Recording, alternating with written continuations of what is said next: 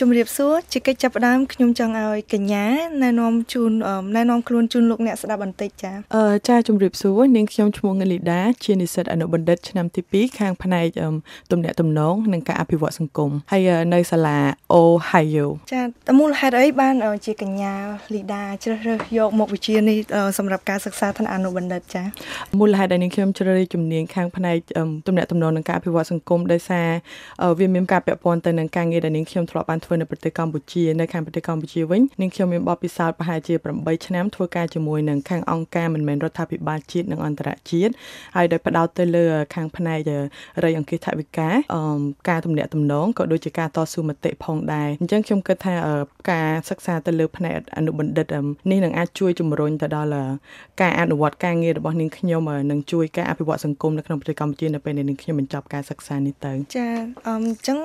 ជាទូទៅសិស្ស ថ្នាក់អនុបណ្ឌិតទាំងអស់គេតម្រូវឲ្យពួកគាត់ទៅសេនិក្ខេបបទឬក៏ធ្វើការសិក្សាស្រាវជ្រាវអ្វីមួយអំពីមុខវិជ្ជាដែលពួកគាត់កំពុងតែរៀនអញ្ចឹងដូច្នេះតើកញ្ញាលីដាមានគម្រោងសិក្សាអំពីបញ្ហាអ្វីដែលពាក់ព័ន្ធនឹងមុខវិជ្ជាដែលកញ្ញាកំពុងសិក្សាចា៎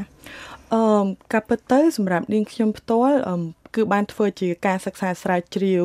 ទៅលើប្រធានបទមួយដែលផ្ដោតជាសំខាន់ទៅលើស្ត្រីពីព្រោះថាអឺតាំងពីដើមមកនាងខ្ញុំជាជាក្នុងនាមជាស្ត្រីខ្មែរម្នាក់តែតែចង់លួយជួយកម្ពស់ជួយលើកកម្ពស់ទៅដល់នារីខ្មែរដែលនៅក្នុងប្រទេសកម្ពុជាដែលគាត់អត់មានលទ្ធភាពនៅក្នុងការ រកជំនួយបានហើយអញ្ចឹងសម្រាប់ខ្ញុំវិញខ្ញុំគិតថានារីទាំងអស់ទាំងស្រុកខ្មែរឬក៏នៅក្នុងប្រទេសផ្សេងផ្សេងគាត់គួរមានឱកាសលើកកម្ពស់សិទ្ធិខ្លួនឯងតាមរយៈការសិក្សាអប់រំហើយគាត់គួរមានសេរីភាពនៅក្នុងការបញ្ចេញមតិនៅក្នុងប្រទេសកម្ពុជាយើងហើយយោងតាមបទពិសោធន៍ផ្ទាល់ខ្លួនខ្ញុំឃើញថាការអនុវត្តសិទ្ធិស្ត្រីនៅកម្ពុជាគឺនៅមានកម្រិតនៅឡើយអញ្ចឹងនៅពេលបច្ចុប្បន្ននេះនាងខ្ញុំបានកលេចមើលដែលយោងទៅតាមកម្មវិធីសិក្សារបស់នាងខ្ញុំដែរគឺទៅលើបញ្ហា gender ជនជាតិហើយនិងសិទ្ធិរបស់ ប្រជាជននៅក្នុងលំដាប់ថ្នាក់ផ្សេងគ្នាហ្នឹងខ្ញុំបានចាប់យកកិច្ចសិក្សាស្រាវជ្រាវមួយដែលហៅថា case study ហ្នឹងទៅលើការបង្ហាញខ្លួនរបស់នារីកម្ពុជា នៅក្នុងប្រភេទខារ៉ាអូខេភ្លេងខារ៉ាអូខេរបស់យើងនឹងថាតើនៅក្នុងឆ្នាំពី2014រហូតដល់2018ហ្នឹង តើវិស័យសិល្បៈខ្មែរនាពេលបច្ចុប្បន្ន contemporary music video ហ្នឹងតើគាត់បានប្រើប្រាស់រូបភាពស្ត្រីនៅក្នុងខ្សែវីដេអូហ្នឹងតាមដោយប្រើរូបភាពអីព្រោះ ខ្ញុំបានសង្កេតឃើញថាមានការស្រាវជ្រាវច្រើនដែលដែលគេបានធ្វើនៅលើប្រទេសអភិវឌ្ឍដូចជាអាមេរិកឬក៏ Latino អីអញ្ចឹងថាស្ត្រីត្រូវបានប្រើប្រាស់ក្នុងរូបភាពជា sexual objectification មានន័យថាគាត់ត្រូវប្រើប្រាស់ជារូបភាពផ្លូវភេទច្រើន ការបញ្ចេញរូបរាងរំ and on អញ្ចឹងហើយអញ្ចឹងខ្ញុំចង់ដឹងថាតើខ្មែរយើងនៅពេលនេះតើយើងកំពុងស្ថិតនៅក្នុងដំណាក់កាលណាហើយនៅពេលដែលខ្ញុំធ្វើការស្រាវជ្រាវទៅគឺអត់ទាន់មានការសិក្សាណាមួយទៅលើបដោតទៅលើការប្រើប្រាស់រូបភាពស្ត្រីត្រីនៅក្នុងវិស័យសិល្បៈនៅឡើយអញ្ចឹងខ្ញុំចង់សិក្សាស្វែងយល់ពីបញ្ហាហ្នឹងហើយនឹងធ្វើការចែករំលែកទៅដល់សង្គមកម្ពុជាប្រសិនជាអាចចា៎ ចាអមតើការសិក្សាផងកញ្ញាលីដានឹងបានឈានដល់ដំណាក់កាលណាដែរហើយអឺនិយាយទៅខ្ញុំទៅតែចាប់ផ្ដើមធ្វើការស្រាវជ្រាវដែរហើយរហូតដល់តែខ្ញុំធ្វើការស្រាវជ្រាវហ្នឹងបាទខ្ញុំដឹងថាអត់ទាន់មានការ research ណាមួយ ការស្រាវជ្រាវជា paper ណាមួយដែលធ្វើការសិក្សាទៅលើកត្តាហ្នឹងប៉ុន្តែមានច្រើនដែលធ្វើការសិក្សាទៅលើស្ត្រីនិងបញ្ហាសុខភាពនៅកម្ពុជាជាពិសេសគឺរឿងជំងឺមេរោគអេដផ្ទាល់តែម្ដងប៉ុន្តែខ្ញុំគិតថានៅក្នុងសម័យសតវត្សទី21នេះយើងគួរយកចិត្តទុកដាក់ទៅលើកត្តាផ្សេងផ្សេងដែរដែលដែលពាក់ព័ន្ធនឹងស្ត្រីកម្ពុជាផ្ទាល់ចាចាអរគុណច្រើនក្រោយពេលបញ្ចប់ការសិក្សាថ្នាក់អនុបណ្ឌិតរបស់កញ្ញាតើកញ្ញាលីដាមានគម្រោងធ្វើអ្វីបន្តទៅមុខទៀតចាសម្រាប់នាងខ្ញុំបន្ទាប់ពីបញ្ចប់ការសិក្សានៅសហរដ្ឋអាមេរិកនេះផ្ទាល់នាងខ្ញុំមានគោលបំណង ក៏ដូចជាក្តីសុបិនដ៏ធំគឺពំនាំយកអ្វីដែលនាងខ្ញុំបានរៀនសូត្រក៏ដូចជាបទពិសោធន៍ការងារដែលនាងខ្ញុំមានមុនពេលដែលនាងខ្ញុំមកសហរដ្ឋអាមេរិកហ្នឹងបញ្ចូលគ្នា